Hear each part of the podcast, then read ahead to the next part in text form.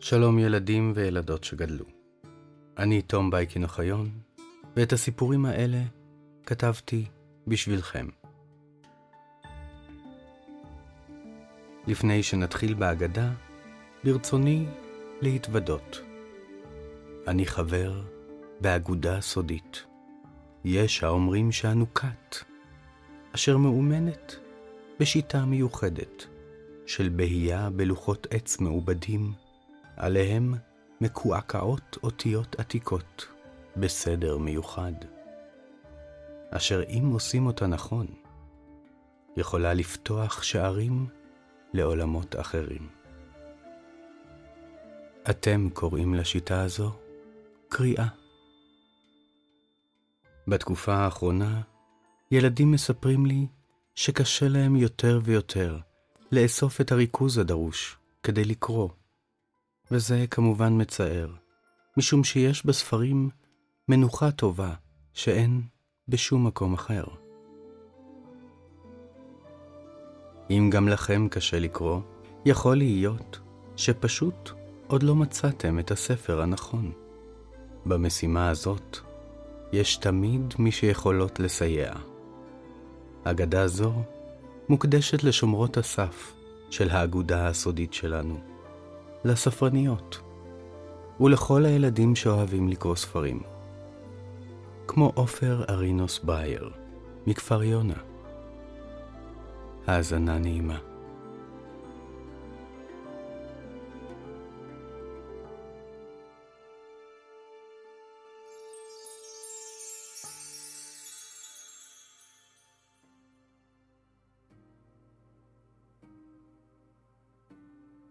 הצטרפו אליי, אל אחת הערים היפות של העולם העתיק. אלכסנדריה, הניצבת לחופי הים התיכון, בחלקה הצפוני של מצרים. שמה של העיר ניתן לה על ידי מקימה, אלכסנדר הגדול. אחרי שכבש את ארצות יוון, יהודה ומצרים, ולפני שפנה מזרחה, במטרה לכבוש את העולם כולו. אלכסנדר ידע את ערכה של עיר נמל, דרכה יהיה ניתן לשלוט על תנועת הסחורות בים התיכון. אך זו לא הייתה המטרה היחידה שחזה לעיר. כיאה לתלמידו של הפילוסוף אריסטו, שאף אלכסנדר שעירו החדשה תהיה גם למרכז של לימוד ומחקר.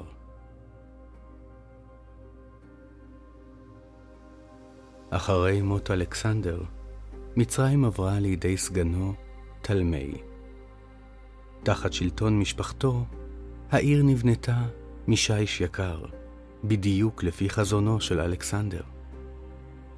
במרכז הנמל נבנה מגדלור ענק, שהתנסה לגובה של למעלה ממאה מטרים. בראשו אש בוערת תמיד, המשתקפת מלוחות כסף חלקים. המגדל היה כה מרשים, שהוא נמנה ברשימת שבעת פלאי העולם העתיק, לצד הפירמידות של גיזה והגנים התלויים של בבל. כמה שהיה מרשים ומפליא, אורו הגדול של המגדלור לא השתווה לעוצמתו של אור גדול יותר שיצא מאלכסנדריה והאיר את כל העולם העתיק. האור שהפיצה הספרייה של אלכסנדריה. תחילה, הספרייה נבנתה כאגף של מקדש המוזות, הוא המוזיאון. שם אוחסנו חפצי קודש שונים שיוחסו לתשע המוזות. קליופאה, האמונה על השירה האפית, קלאו, המוזה של ההיסטוריה, איוטרפה, המנצחת על המנגינות, מלפומנה, שלאורה נכתבים מחזות הטרגדיה. טליה, השומרת על הקומדיה. ארטו, האחראית על שירת האהבה. טרפסיכורה, האמונה על המחולות והריקוד.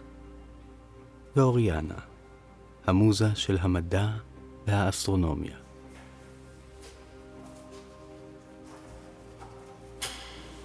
בימי תלמי השלישי הספרייה צמחה וגדלה, הודות לשליחים שיצאו לכל קצוות העולם העתיק, בחיפוש אחר ספרים נדירים, מכל סוג ובכל שפה. כל ספינה שעגנה בנמל העיר נדרשה למסור את כל המגילות שברשותה. אלה הועתקו בזריזות, ובזמן שהמגילות מצאו את דרכן למדפי הספרייה, היו אלה העותקים שחזרו לספינה.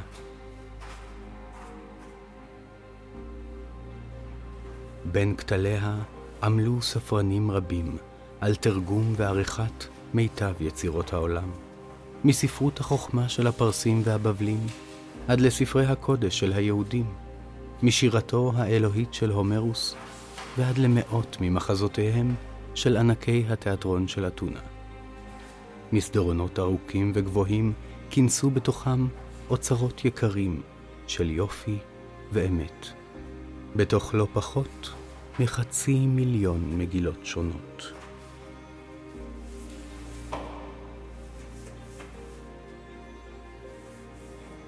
כל מי שמכיר את כוחה של ספרייה, יודע שאין היא רק מאחסנת ספרים. היא גם בית לתלמידים, מורים, סופרים וחוקרים. אורה של הספרייה משך אליה את מיטב אנשי הדעת, וחוקרים מכל העמים ומכל הדתות.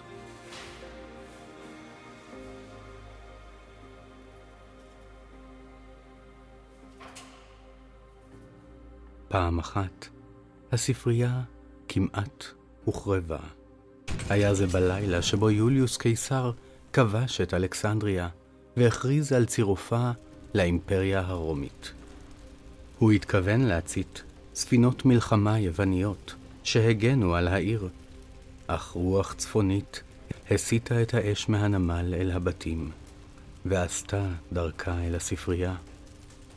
למרבה המזל, החיילים היוונים והרומים הבחינו באסון המתקרב והסכימו להפסיק את הלחימה, כדי לכבות את השרפה ולהציל את אוצרות הספרייה.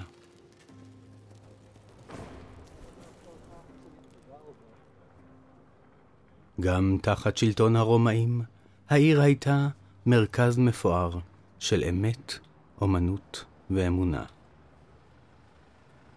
בין רחובותיה ניתן היה למצוא מקדשים לאלות מצריות, כמו בסטט וסחמט. מקדשים לאלים היוונים, כמו התיאטרון המוקדש לדיוניסוס, ולאלים הרומאים, כמקדשו של יופיטר, או המקדש של קיסרי רומא, שנקרא הקיסריום. בעיר גם נבנה מקדש מיוחד בשם הסרפיום. הוא מקדשו של האל סרפיס, שהיה כמו העיר אלכסנדריה, חציו יווני וחציו מצרי. לצד כל אלה ניצבו גם בתי כנסת לקהילות היהודיות הרבות של העיר, וגם מספר כנסיות לקהילת הנוצרים הצעירה, שבתקופה זו רק החלה את צמיחתה. כמה שנחפש בין דפי ההיסטוריה, לא נמצא עיר עשירה כאלכסנדריה, במגוון המקדשים של דתות כה רבות. קירילוס שנא את העובדה הזו. מחלון חדרו המפואר בכנסייה, הוא הביט מטה על העיר מלאת פסלי האלילים, בבוז ובחימה. כפטריארך החדש של העיר אלכסנדריה, הוא היה אמון על הובלת תושביה, כמו רועה המוביל את צונו, הרחק מהכפירה אל עבר הנצרות, דת האמת היחידה מבחינתו. מאה שנים חלפו מאז שהקיסר קונסטנטין המיר את דתה של האימפריה הרומית לנצרות, והדת הצעירה שלו, שחסידיה עד כה היו נרדפים ברחבי האימפריה בשל אמונתם, הפכה לדת החזקה בממלכה בצו מלכותי. עתה הגיע תורם לרדוף את עובדי האלילים והכופרים עד האחרון שבהם, ולהציל את נשמתם. זחוח מחוש צדק עיוור, קירילוס אסף סביבו עדת מאמינים נאמנים, להם קרא המשמר הקדוש. הוא לא טרח ללמד אותם קרוא וכתוב, שכן לא בשכלם היה חפץ, אלא בכוחם הפיזי. בתיווכו, הדת הנוצרית איבדה את ערכי השלום, החמלה והמחילה, שהיו מנת חלקה מימי משיחם. בהיעדר אלה, הנצרות הצטיירה כדת של מלחמה, שלא ראתה ערך בחיי אדם שלא קיבל אותה על עצמו. חייליו היו מתפרעים ברחובות העיר, מנפצים פסלי אלים ומחריבים מקדשים. ראשונים נחרבו מקדשי האלים המצרים, ואיתם דת עתיקה שהייתה קיימת למעלה מארבעת אלפים שנה, נעלמה מהעולם. אחריהם החריבו אנשיו את מקדשי האלים היוונים והרומים, מקדמים את מותן הממשמש ובא של דתות עתיקות אלה. עתה, רק שלושה מקדשים של עובדי אלילים נותרו עומדים באלכסנדריה. הקיסריום, אותו פקדו הרומאים, הסרפיום, ובו הורשו להתפלל המצרים והיוונים, והספרייה הארורה. קירילוס שנא את הספרייה בכל ליבו, שכן ידע שהיא קדושה באלפי מגילות וספרי כפירה. במיוחד שנא את האישה העומדת בראשה. אישה כה נפלאה, שלא ראוי שנפגוש אותה לראשונה דרך עיניו הצרות של הפטריארך הנאלח. לכן, ברשותכם, נעזוב את קירילוס החמוץ בחדרו, ונפנה להכיר את גיבורת סיפורנו. שמה היה היפתיה, ולה היה התפקיד החשוב ביותר באלכסנדריה כולה. היא הייתה הספרנית הראשית. לאלה מכם שטרם זכו לבקר בין כותלי המקדש הקרוי ספרייה, נספר שספרנית אינה רק העוזרת לנבוכים, היא האוצרת והשומרת על מיטב האומנות והחוכמה, שהעם האנושי הצליח לנסח במילים ולכרוך בספרים.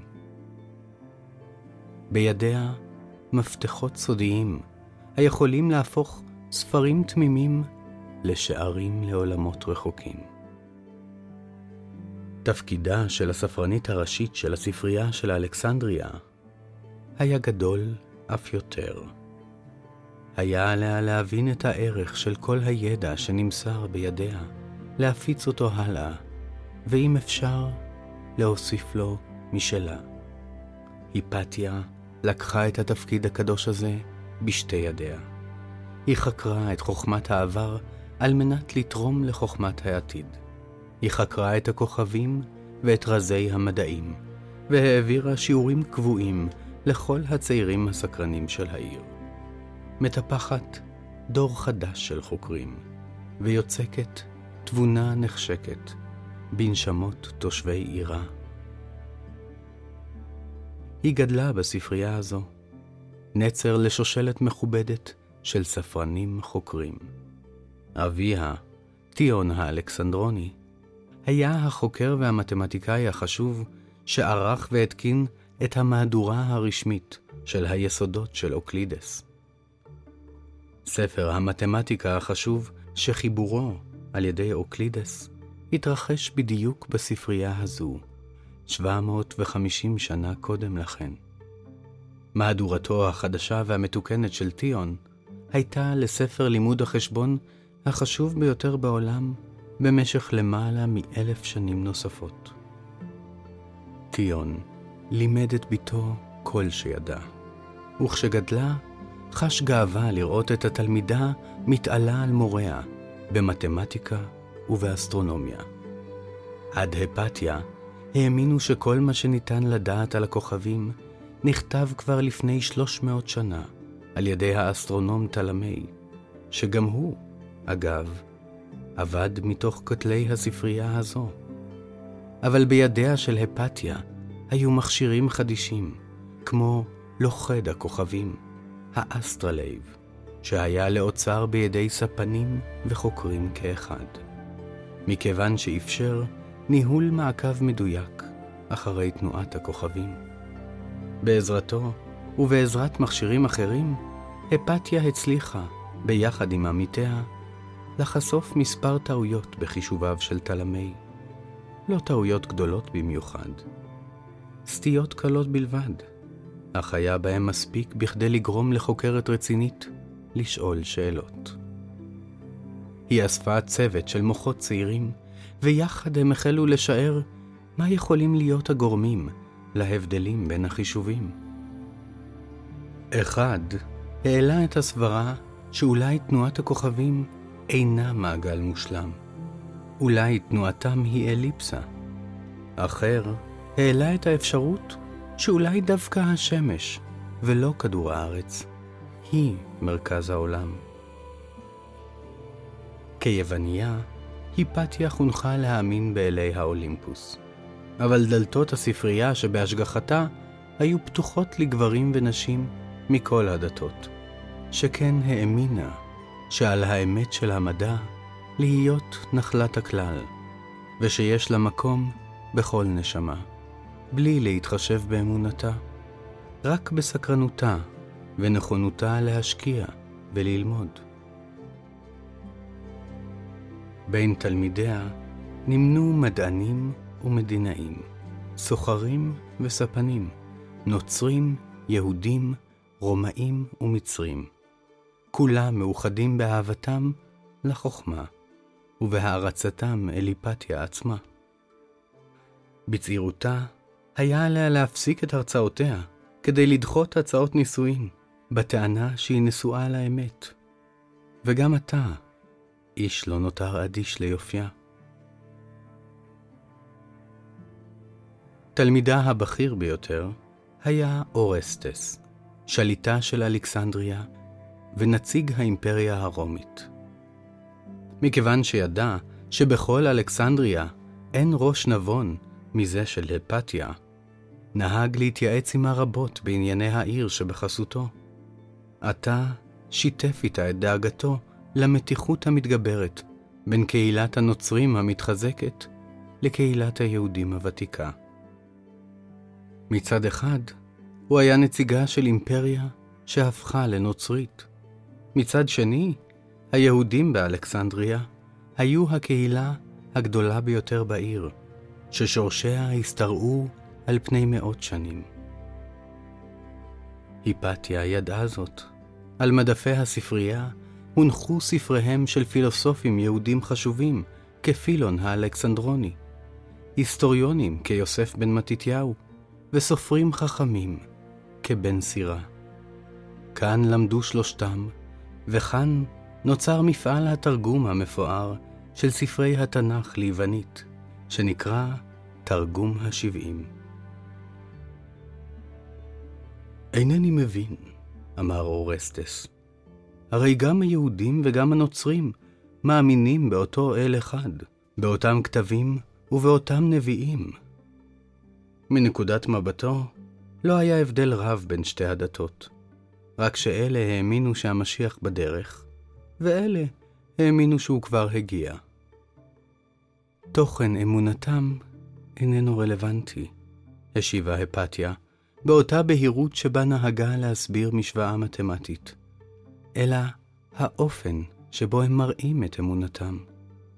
היהודים לוקחים חלק פעיל בחיי העיר, ומבקשים רק שיותר להם לדבוק באמונתם. גם הם מרדו פעם באימפריה. הם שילמו על כך מחיר כבד שהם מסרבים לשכוח.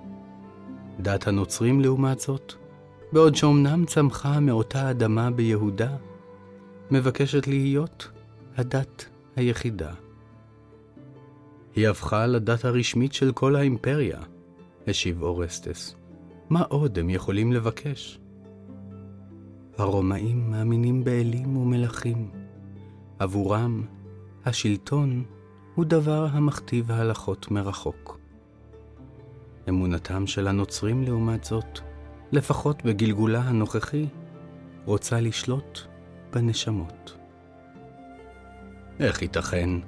הרי המלחמה הגדולה של כל אדם בחייו היא על שליטה בנשמתו שלו. חוקים לא יכולים להכתיב מחשבות.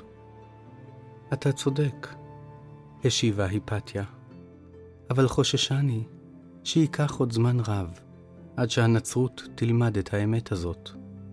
לפחות כל עוד אנשים כמו קירילוס מובילים אותה. אורסטס שמח שהיא הזכירה את הפטריארך, עליו רצה לדבר איתה.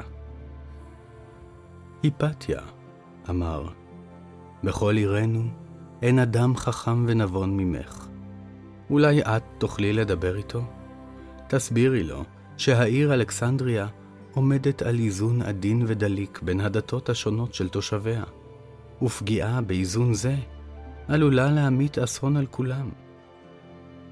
אני יכולה לנסות, אם כי איני מאמינה שתהיה בכך תועלת, השיבה. ראיתי את אנשי המשמר הקדוש שלו, אדם הגיוני והגון, לא מחנך בריונים. אז תדברי איתו?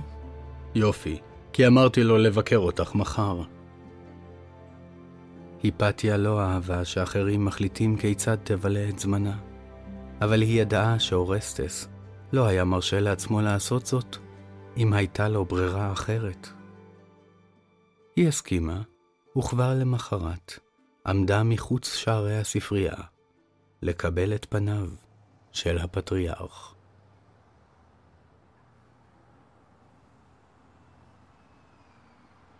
קירילוס הגיע בפנים מלאות שנאה קרה. הכניסה למקדש האלילים שנקרא ספרייה גרמה לו להרגיש מלוכלך בטומאה. הוא לא השיב למילות השלום של היפתיה, והסתפק בהנהון נוהם.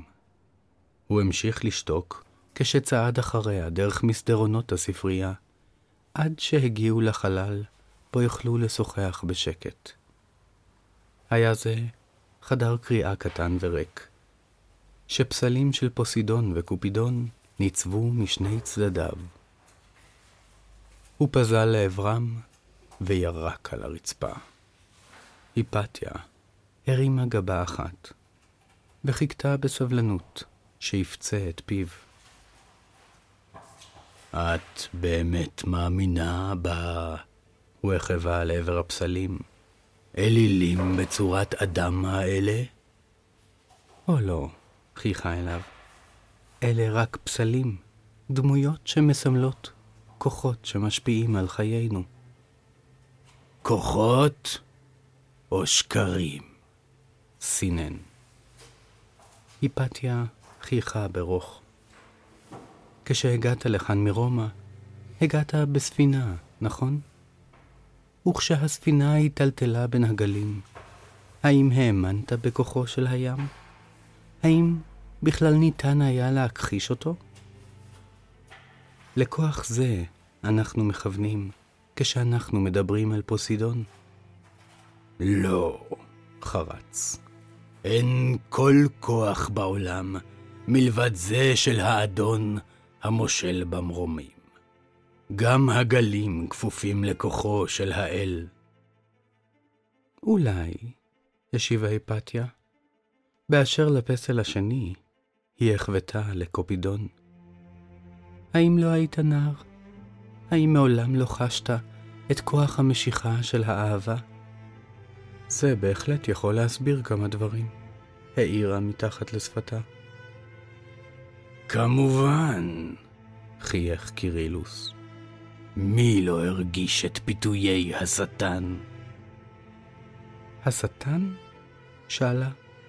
אז אתה כן מאמין ביותר מכוח אחד הפועל בעולם. אני מאמין באל אחד, אל שאין לו פסל ולא תמונה, אל שרואה הכל ושומע הכל. אצלנו לא מתפללים לפסלים דוממים. תאמר לי, כשאתה מדמיין את האל שלך, שומע, האם יש לו אוזניים לשמוע מהם? כשהוא רואה. האם יש לו עיניים לראות דרכן? ודאי שלא. הרי אלה רק מילים, סמלים שנועדו לכוון אותנו לאמת גדולה יותר מזו שאנחנו יכולים לדמיין. אני מסכימה איתך לחלוטין. התשובה הזאת הפתיעה אותו. זאת בדיוק מטרתם של הפסלים. הזהירו אותי מתחבולותייך, הרהר בקול. אבל אני ראיתי את האנשים שלכם זובחים לחיות ומשתחווים לפסלים של נשים עירומות. האם תכחישי שהם מאמינים בקדושת הפסלים? האם אין בין שורותיך מאמינים שמדמיינים שהאל שלכם הוא סבא זקן שיושב בעננים? אנשים טועים, לכן יש טעם בחינוך, במחקר ובהשכלה. מה הטעם בלימוד אם כל מה שלומדים אלה שקרים?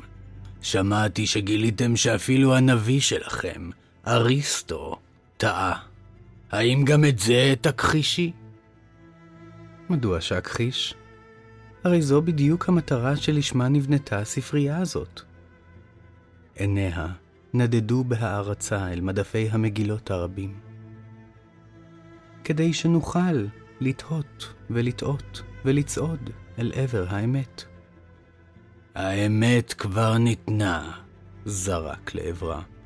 אתם פשוט מסרבים לקבל אותה. אנחנו מסרבים לקבל כל דבר שלא נבדק כהלכה. במיוחד אמת שצריכה חרבות במקום טיעונים. ואם את טועה? הוא חייך כמנצח. אם אני טועה, כלום לא קרה. אבל אם את טועה, את דנה את נשמתך הנצחית לאש וגופרית. אני לפחות שואף למעלה מזה. כך אנחנו שואפים למעלה, מטפסים על סולם השאלות, משפרים את כלינו ומחדדים את שכלנו. בדיוק בשביל להתנשא מעל ה... היא הביטה הישר בעיניו, המחשבה הנחותה של הגוף. את סתם מחפשת תירוצים לשמור על טעויותייך. מחשבה מוטעית עדיפה על חוסר מחשבה. הוא שתק זמן מה, בולע את גאוותו, ושאל, מדוע זימנתם אותי לכאן? ודאי לא האמנתם שתוכלו להמיר אותי לדת הכופרים עם פנים יפות ומילים מבלבלות. היהודים, השיבה ברצינות תהומית. אורסטס סיפר לי שהיו עימותים בין אנשיכם לבינם. חלק מהמאמינים שלנו נלהבים מדי באמונתם. האם אני אשם באש הבוערת בנשמתם?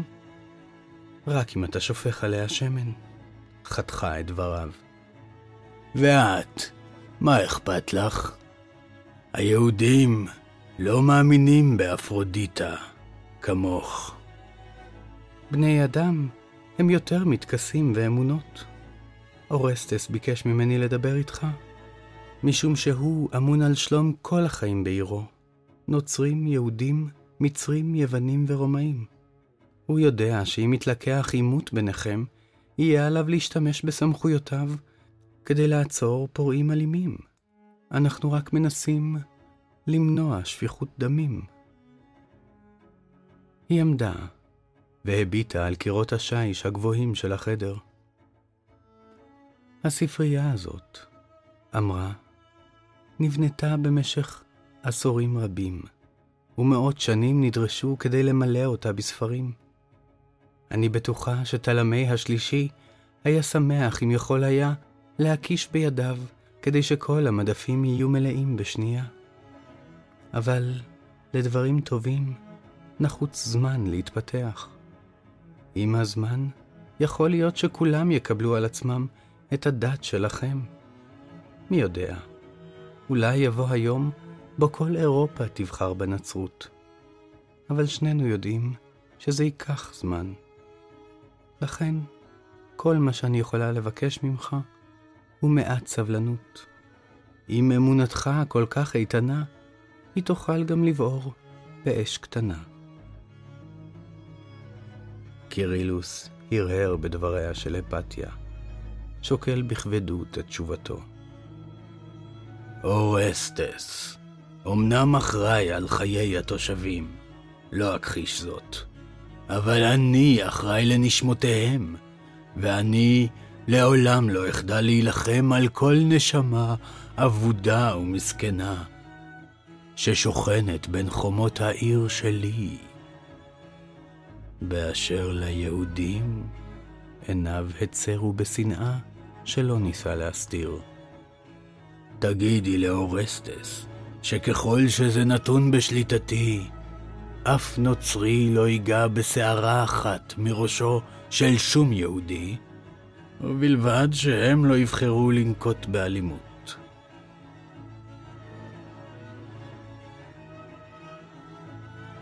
היא צמצמה מבטה לעברו, מנסה לנחש את צעדיו הבאים, אבל בליבה כבר ידעה, השיחה הזאת הייתה מיותרת.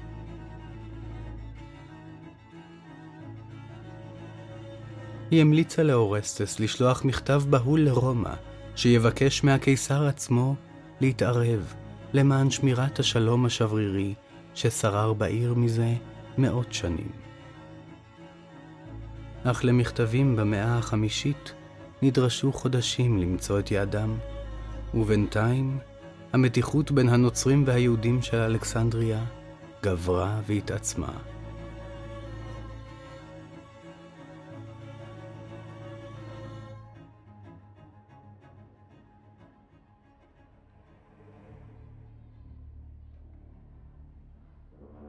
המתיחות הגיעה לשיאה כאשר בוקר אחד, בזמן שהיהודים היו עסוקים בפתיחת חנויותיהם וסידור מרכולתם על דוכנים, המשמר הקדוש הציף את רחובות העיר. חייליו מרסקים דוכנים, קוראים ספרים ובוזזים מכל הבא ליד. אבל הם לא נגעו ביהודי אחד. הם ידעו שרבני היהודים בעקבות הפצרותיו של אורסטס, ביקשו מהם להימנע מעימותים אלימים עם שכניהם הנוצרים. שעה ארוכה ספגו היהודים את ההשפלה, עד שסבלנותם של כמה מהם פקעה. הם ניצבו מול הפורעים הנוצרים, ובמקום התפתחה תגרה. במהלכה נפגעו יהודים ונוצרים כאחד. לזה בדיוק קיווה קרילוס כששלח את חייליו ונשאר בחדרו הבטוח שבכנסייה. הוא שלח מכתב לרומא, ובו ביקש לדווח על הטבח הנורא שביצעו היהודים בנוצרים בלא כל התגרות מצידם. אמנם היה עליו לשנות קצת את העובדות כדי שתהיינה מתאימות יותר למטרותיו, אך הים התיכון גדול מאוד, ובצידו השני מוכנים להאמין להכל, בתנאי שזה מתואר כבעיות של אחרים. לא חלף זמן רב, וצו רשמי מהכנסייה ברומא התיר לקרילוס לאסוף את כל יהודי העיר ולגרשם. הצו לא דרש מהפטריארך להפשיט את היהודים מרכושם, לגנוב את כספם ולחלק את בתיהם הנטושים לחבריו. את זה החליט לבצע על דעת עצמו. בחדרו בכנסייה, קירילוס תהה מדוע הוא לא חש שמחה בניצחונו על הכופרים.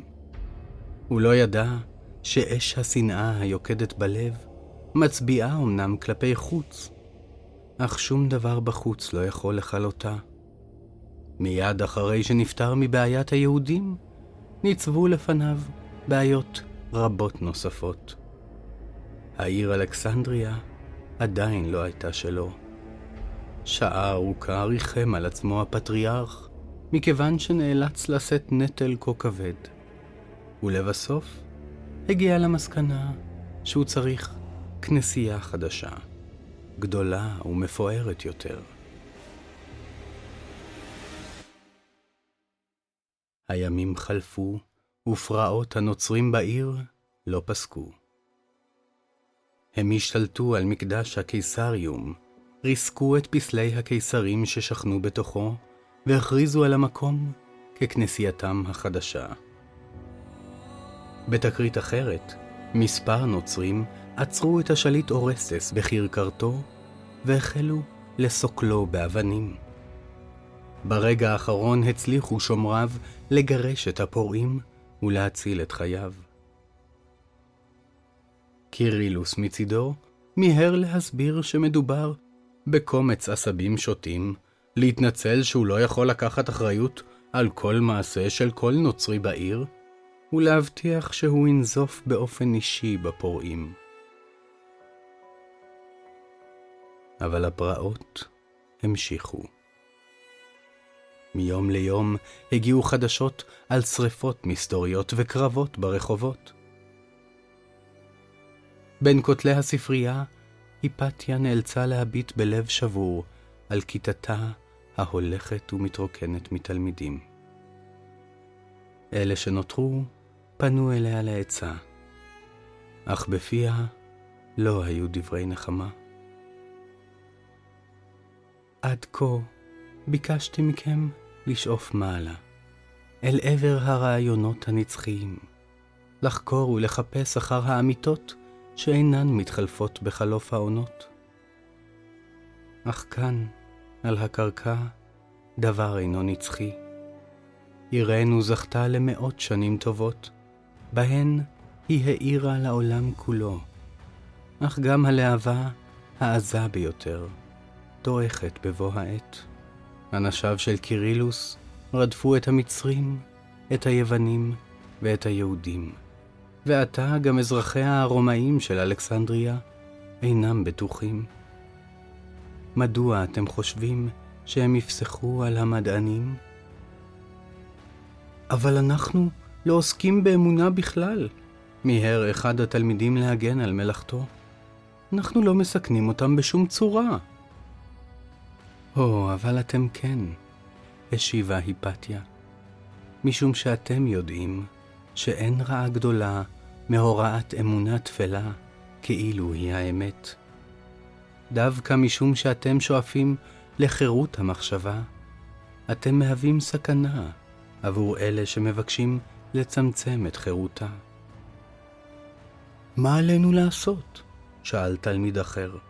הוא קיווה שהיא תדרוש מהם לחקור את תולדות הדתות, למצוא עובדות ולהוכיח טענות שקריות. אך תשובתה הייתה שונה. לצערי, זו אינה העת ללמידה ולמחקר. זו העת למעשים. היא הביטה במבטיהם החוששים של תלמידיה. אל תדאגו, לא אבקש מכם להילחם. בשם האלים, הספרייה הזו אינה קסרטין. המשימה שמונחת בידינו גדולה בהרבה מגורלנו ומגורל עירנו, והיא קשה ומסוכנת מאוד. היא הביטה סביב על המסדרונות, המדפים והמגילות הרבות, והמשיכה. חמש מאות שנים נדרשו לאסוף את האוצר הגדול שזכינו להלך בו בחיינו, ואין בכוחנו להציל את כולו. מה שאני צריכה מכם עכשיו, הוא שכל אחד מכם יתגייס להציל כמה שיותר ספרים מכאן. בשתיקה הרכינו התלמידים את ראשיהם, מקבלים על עצמם את כובד משימתם. מיד אחרי כן, תלמידים, מרצים, מתרגמים, חוקרים וסופרים רצו בין המדפים ואספו כמה שיותר ספרים. בחוץ כבר ניתן היה לשמוע את רעם ההמון הפורע, אך הם לא חדלו. הם העמיסו ספרים על עגלות, הסתירו אותם בבתי מגורים ובבארות יבשות. היפתיה ניצחה על המערכה, בוחרת אילו מגילות חייבות לשרוד, ועל אלו, למצער, צריך לוותר. גם כשהגיעו אנשי המשמר הקדוש של קירילוס לשערי הספרייה, היא סירבה לעזוב את המקום עד שאחרון תלמידיה ברח מאחת הדלתות האחוריות, כששק מגילות כבד מתנדנד על גבו. רק אז לקחה כמה מגילות אחרונות, ונמלטה גם היא מהספרייה שהייתה לה לבית כל חייה.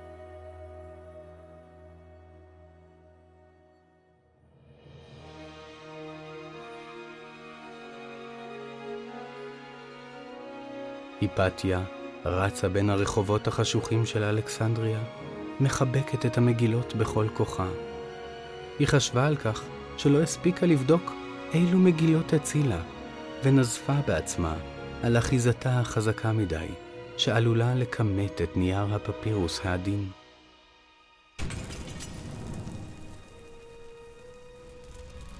לפתע הבחינה באור אדיר עולה מאחוריה. לא היה לה ספק לגבי משמעותו. האש אחזה בספרייה. רגליה כשלו, וסחרחורת עפפה אותה, כאשר שמעה מאחוריה, הנה היא, תתפסו את המכשפה.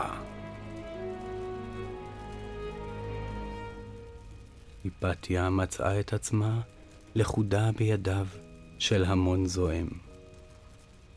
אחד מהם צעק לעברה על כך שהוא ביקר בחדרה וראה את מכשירי הכישוף השחור שהיא החביאה שם.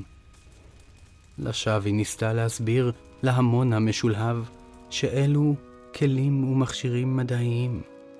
היא אפילו הציעה ללמד אותם כיצד להשתמש בהם.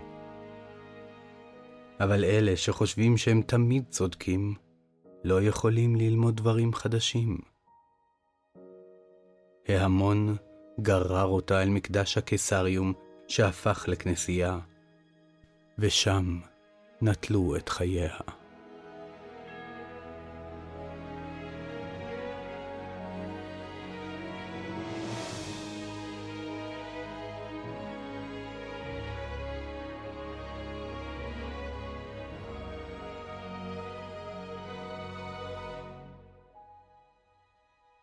משראה אורסטס כי כשל בתפקידו להגן על השלום בעירו, הוא פרש ממשרתו ועזב את אלכסנדריה. קירילוס הפך לשליט היחיד של העיר.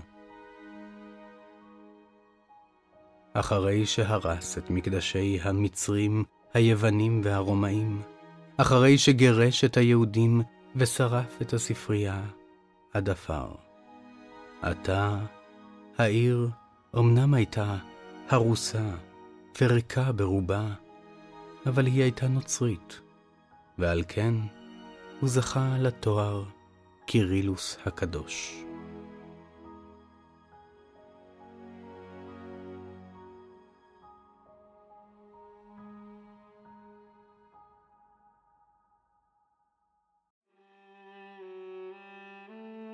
האש שכילתה את הספרייה של אלכסנדריה, בישרה על סופה של העת העתיקה, ועל ראשיתם של ימים חשוכים וקודרים. אבל הספרים שהצילו תלמידיה של הפתיה שרדו. הם הוחבאו בגנזכים ומרתפים, שם חיכו ליום בו הסקרנות תשלח את האנושות למוצאם.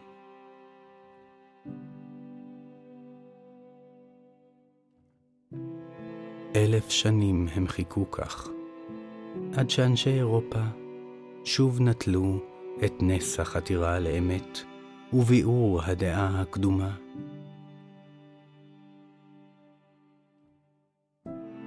הם המשיכו בדיוק מהמקום בו היפתיה ותלמידיה עצרו, בשאלות לגבי תנועתם העגולה של הכוכבים ומיקומה של השמש ביחס לכדור הארץ.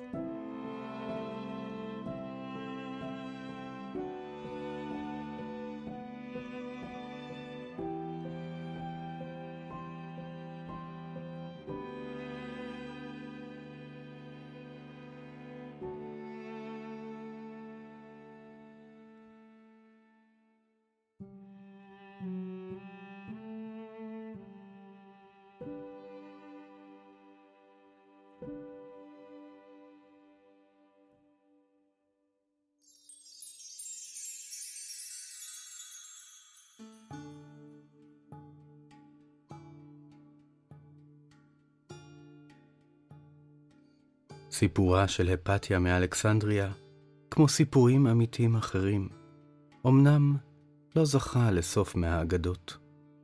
אבל העובדה שאנחנו, כאן, נהנים מכל ההמצאות והתגליות של המדע, היא ההוכחה שהפתיה הצליחה במשימתה, וששלהבת המחקר לא כבתה.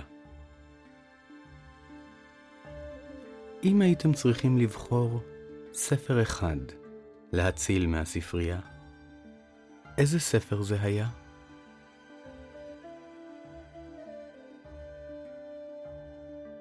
למה דווקא הספר הזה זכה למקום מיוחד בלבכם?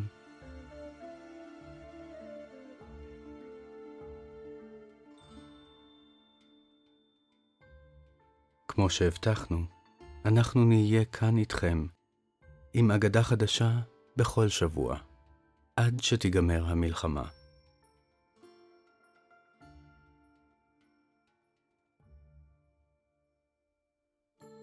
אם אהבתם את האגדה, ואתם רוצים לתמוך ביצירה שלנו, אתם מוזמנים לתמוך בנו דרך אתר פטריון, על ידי רכישת הספרים שלנו מאתר הוצאת פנק, או על ידי הזמנתי אליכם לבית הספר, במסגרת סל תרבות ארצי. אני תום בייקין אוחיון, ו... אם רק תסתכלו טוב טוב, תראו שכל אחת ואחד מכם הוא כבר גיבור של אגדה.